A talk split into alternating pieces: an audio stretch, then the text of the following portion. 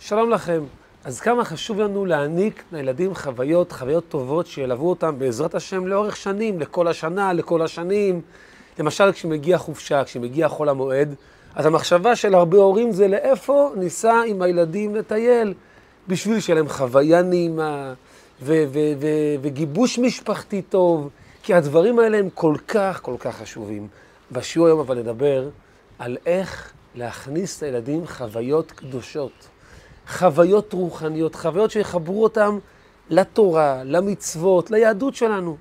מה הדרך הטובה, מה אחת הדרכים לפחות, שיעזרו לנו בעזרת השם לחבר אותם לשם. כי בשורה התחתונה, כמו שכתוב בספר היום-יום, העושר היהודי האמיתי זה לא מצבירת ממון או מקניית בתים, אלא כתוב בספר היום-יום שהעושר היהודי האמיתי זה כאשר הילדים שלנו הולכים בדרך, כאשר אנחנו הולכים בדרך והילדים שלנו ממשיכים את הדרך. כך מגיע העושר היהודי האמיתי. אז איך נעשה את זה בצורה טובה, בצורה מיטבית, בצורה, בצורה נעימה? אני רוצה להתחיל, אני רוצה לשתף בסיפור, סיפור מאתמול. אתמול יצאנו עם הילדים לטיול ממש מרגש באזור העיר יריחו. באזור של יריחו יש שם כל מיני אה, אה, שמורות טבע מדהימות.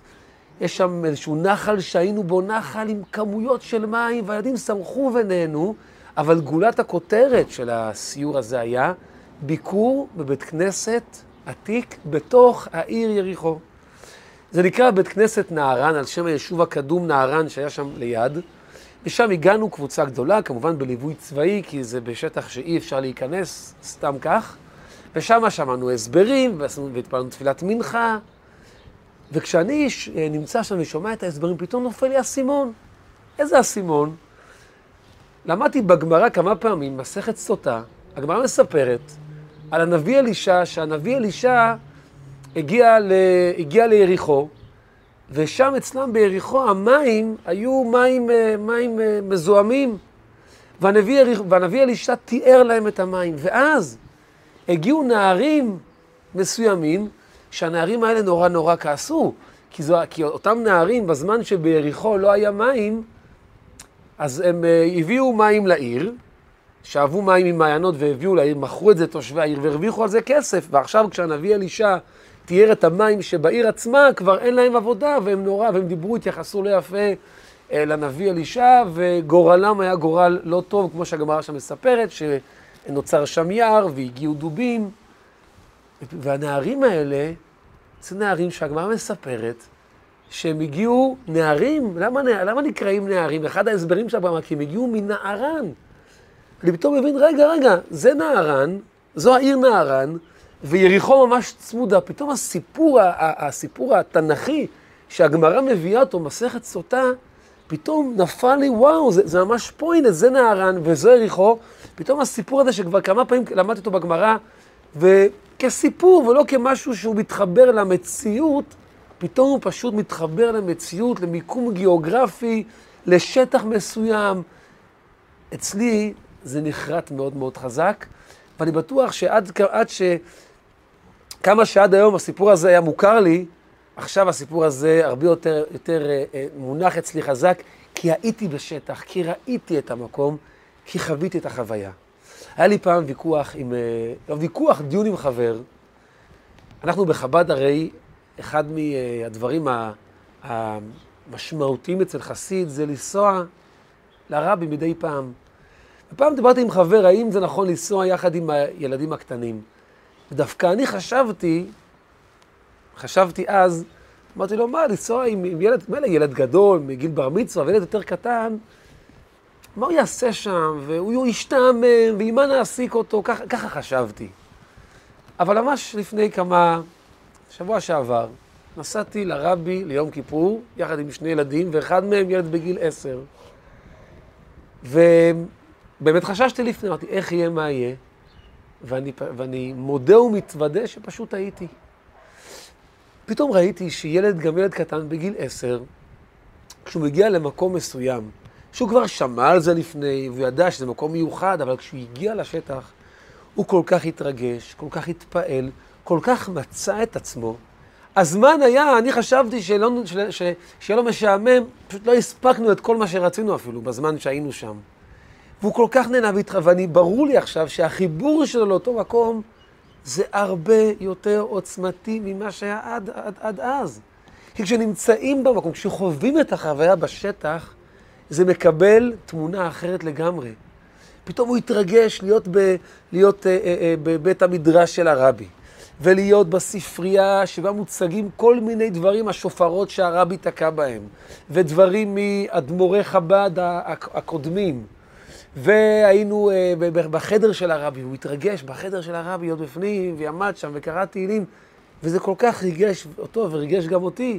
היינו בחדר השידורים, זה החדר שמשם עברו כל השידורים, כל ההתוועדויות שהרבי התוועד, משם העבירו את זה לרחבי העולם, וזה חדר עם הרבה הרבה טלפונים, ויש שם מיקרופונים שהרבי דיבר איתם במהלך השנים כשהוא היה מדבר לפני החסידים, ופתאום אנחנו רואים את זה מול העיניים, והוא רואה את זה מול העיניים, וזה ממש ריגש אותו, והוא רצה להצטלם ליד כל דבר.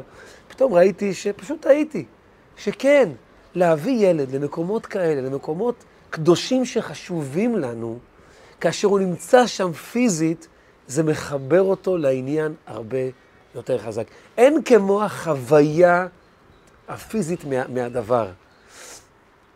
היום, אה, אה, ב, ב, היום כשהולכים לקנות עוף, אז אה, הולכים לסופר וקונים עוף, והרבה ילדים היום חושבים כנראה שהעוף פשוט נולד כך, עטוף באריזה, קפוא בתוך המקפיא של הסופר.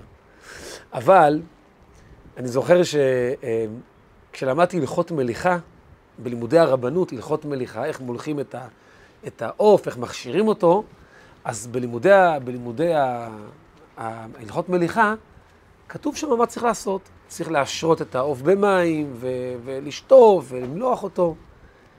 אז כשלמדתי את זה, אצלי, באופן אישי, זה לא הייתה רק תיאוריה, אני פשוט ראיתי מול העיניים מה שלמדתי, ולמה? כשאני הייתי ילד, היינו כל שנה ביום כיפור, אחרי שמביאים לשוחט את העופות של יום הכיפורים, לוקחים איזה עוף או שניים ומכשירים אותם לבד, כי אימא שלי, מי שתחיה, היא גדלה ברוסיה, ושם הרי לא היה לקנות בסופר עוף כשר, אז היו בבית מכשירים את העופות, והיא מכירה את המלאכה מהבית, ויש לה את כל הציוד, איך עושים את זה.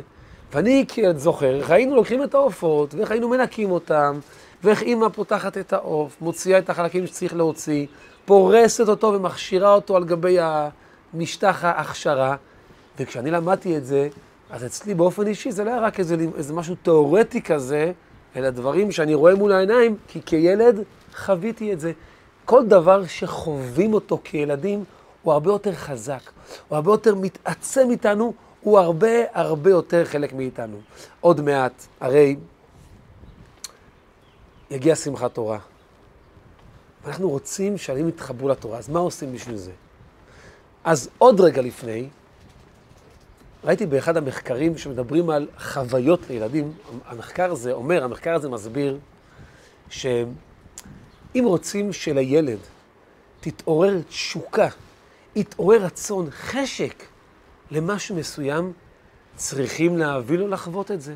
למשל, המחקר שם אומר, אם רוצים שילד יהיה יצירתי בתחום מסוים, איזושהי יצירה מסוימת, לתת לו להרגיש, לחוות את זה, לחוות הצלחה בזה גם.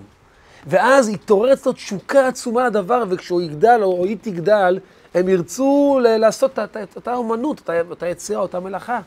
אם רוצים שילד יהיה לו חיבור לענף ספורט מסוים, נגיד שלהורים חשוב שהוא יהיה כדורגלן, שהוא יהיה אה, אלוף בטניס או מה שלא יהיה, אז כאשר מגיל קטן יחברו אותו לזה. וייתנו לו לחוות בזה חוויות הצלחה, חוויות טובות, חוויות נעימות סביב הדבר הזה, אז כאשר אותו ילד יגדל, תהיה בו תשוקה פנימית ורצון עז להיות, אה, להיות אה, שחקן ספורט בענף המסוים. זאת אומרת, החוויה כיל, כילדים, כאשר החוויה היא חוויה נעימה וטובה, זה מחבר אותה מאוד מאוד מאוד מאוד חזק. אם נחזור לנסיעה שסיפרתי עכשיו, נסיעה לה, עם, עם הבן לרבי, כמובן שהטיול היה מותאם גם בשבילו. אז מותאם בשבילו זה אומר לקחת אותו למוזיאון של, של ילדים, משהו שמתאים לו, מוזיאון יהודי לילדים, כי, כי הוא ילד והוא נורא נורא התרגש שם. ולדאוג שהכל יהיה בצורה נעימה לתנאים שילד רגיל, מבחינת שינה, מבחינת אוכל, כמובן, צריך לדאוג לכל זה כמו שצריך, לא להגיע איתו למקום ושירגיש שם איזה חוויה לא נעימה. אבל הוא צריך להיות בשטח, הוא צריך להרגיש את החוויה. צריך, צריך להתאים את החוויה לרמה שלו, לסגנון של אותו ילד, ואז הוא יחווה את זה בצורה כל כך טובה, שבעזרת השם גם תלווה אותו להמשך המקומות. תארו לכם שאנחנו, כשהיינו אה, אה, תלמידים והיינו לומדים תנ"ך, אז היינו, זה, זה לא מציאותי, אבל בואו נתאר לעצמנו שכל דבר שהיינו לומדים, היינו הולכים לחוות את החוויה, כן? יריחו, כיבוש יריחו על ידי, ידי יהושע בן נון, נוסעים לעיר יריחו, לצורך העניין. אז בטח זה היה מתעצם בנו הרבה הרבה יותר חזק. ולכן אם כן, מטרתנו זה להעניק להם, אז מגיע עוד מעט שמחת תורה. שמחת תורה, אנחנו רוצים שהילדים יתחברו לתורה. אז דבר ראשון, הדבר הבסיסי ביותר, פשוט לקחת את הילדים, להביא אותם להקפות בבית הכנסת, בבית חב"ד, להביא אותם להקפות של שמחת תורה, שיחוו את החוויה הזו, שיראו את הריקודים, שיראו את השמחה. יכולים הורים לבוא ולומר, מה, הוא ילד קטן, ילדה קטנה, יש שם קצת לפעמים בלגן והרבה אנשים והרבה המולה. לא בשבילם, אז זה בשבילם הרבה יותר ממה שנדמה לנו. צריך פשוט להביא אותם לשם, שיחוו את החוויה, יקבלו את שקית הממתקים, יקבלו את הדגל וירקדו, וזו חוויה שתחרט בהם לכל החיים. כל אחד ששומע את השיר, כל אחד שומע, תיזכר איך זכור לה באופן אישי, איך זכור לך באופן אישי שמחת תורה כילדים. אז הזיכרונות הם מתוקים. אני עכשיו מדבר על זה ואני נזכר תוך כדי בשמחת תורה שאני זוכר כילד, כילד על ההקפות, אותן דמויות שהובילו את כל הסיפור הזה, את צורת השמחה שהייתה. וכשאני נזכר בזה, אני נזכר בזה בערגה גדולה מאוד, כי כל דבר שמגיע כחוויה הוא מיוחד. אנחנו מוכרחים להעניק להם את החוויה הזו. לקחת אותם, אם כן, להקפות בשמחת תורה. אה, מראש לדאוג שיהיה להם דגל, או שאולי מחלקים את זה בבית הכנסת. מראש לדאוג להביא להם, יש ילדים שממש, זה יעשה להם את השמחה הרבה יותר כשהם יחזיקו ביד ספר תורה קטן. אז לרכוש להם ספר תורה, אמנם זה לפעמים קצת יקר, אבל מה אנחנו, הרי על דברים יותר, אה, פח, הרבה פחות חשובים, אנחנו משקיעים הרבה כסף בילדים. אז בשביל הספר תורה, קצת יקר אולי, יש כאלה יקרים, הגדולים יותר, אבל כמה זה חשוב. והרי בחינוך הילדים אנחנו בדרך כלל משתדלים לא, לא לחסוך, לא לחסוך אה, אה, אה, כספים. אז כן להעניק להם את זה, לתת להם את החוויה הזו. זה יחבר אותם, זה יעצים אצלם את הרצון, יעצים אצלם את התשוקה לדברים האלה. אחרי שמחת תורה מגיעה השנה הרגילה. אז גם במהלך השנה הרגילה, זה גם התפקיד שלנו, לחשוב איך לחבר אותם לחוויות אה, קדושות, לחבר אותם לחוויות מיוחדות. כל דבר שיגיע אצלם כחוויה, יחרט ויישאר לעולם. גם השבוע, לפני כמה ימים נסענו עם הילדים ל... לאיזשהו אה, פארק שנקרא פארק קנדה. היינו בדרכנו לירושלים והיה פקק תנועה ענק. אז אמרנו, במקום לעמוד בפקק, עדיף, ש... עדיף ש... שנלך לפארק סמוך ושם נבלה את הזמן. ו... אנחנו עומדים בפקק, אנחנו מגיעים לפארק הזה שנקרא פארק קנדה, נמצאים שם, הולכים שם עם הילדים והכל, זה היה נחמד מאוד.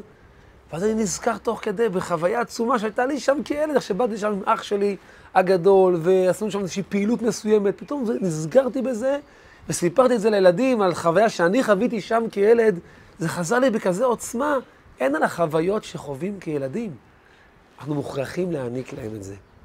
אחד מהדברים העוצמתיים שייתן להם זה כיוון דרך. מסופר ש... שבזמן, אה, בזמנו של הצאר ניקולאי ברוסיה, הוא אהב שהמשמעת אליו תהיה משמעת ברזל כמו שצריך, והחיילים יהיו כמו שצריך. ויום אחד איזה שארבעה חיילים הרגישו שהם חייבים, חייבים קצת איזה בירה טובה, איזה, איזה שתייה חריפה, והם פשוט זינקו מהגדר של המחנה וברחו ברחו ל, ל, לתוך איזשהו, איזשהו אה, בית מרזח, ושתו שם לשוכרה, ונהיו שיכורים. אבל הם יודעים תוך כדי שהם שיכורים, שאוי ואבוי להם אם לא יחזרו חזרה למחנה. אוי ואבוי מה יקרה להם. הם חוזרים חזרה, שיכורים, נופלים אחד על השני תוך כדי הליכה לכיוון, ה, לכיוון המחנה, וכשהם ממש מגיעים לגדר של המחנה, הם כבר אפסו כוחותיהם, והם נפלו על הרצפה, פשוט נרדמו. ואז עובר סיור שמירה, ורואה אותם. ומזיקים את המפקד, ומגיע הצר ניקולאי בכבודו ובעצמו. והוא רואה אותם, רואה אותם, והוא נורא נורא כועס. מה זה, חיילים ככה עושים? לא מתביישים? ואז הוא מסתכל עליהם, כמובן שהעירו אותם, והם קמו בבהלה גדולה, ואז הוא אומר, אוקיי, שני החיילים האלה, אתם תחזרו חזרה, ושני החיילים האלה, אתם עכשיו הולכים לשבת במחבוש רציני בבית הסוהר. אז הם לא הבינו מה קרה, למה?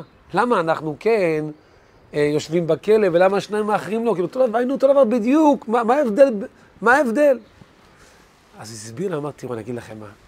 אני הסתכלתי איך הייתם רדומים. גם כשנפלתם על הרצפה שיכורים, הסתכלתי וראיתי איך שכבתם. הוא אומר, השניים האלה, גם כשהם שכבו, הפנים שלהם היו לכיוון המחנה. אבל אתם, השניים, אתם שהולכים עכשיו לשבת בכלא, הראשים שלכם היו מכוונים לכיוון בית המרזח. זו הבעיה.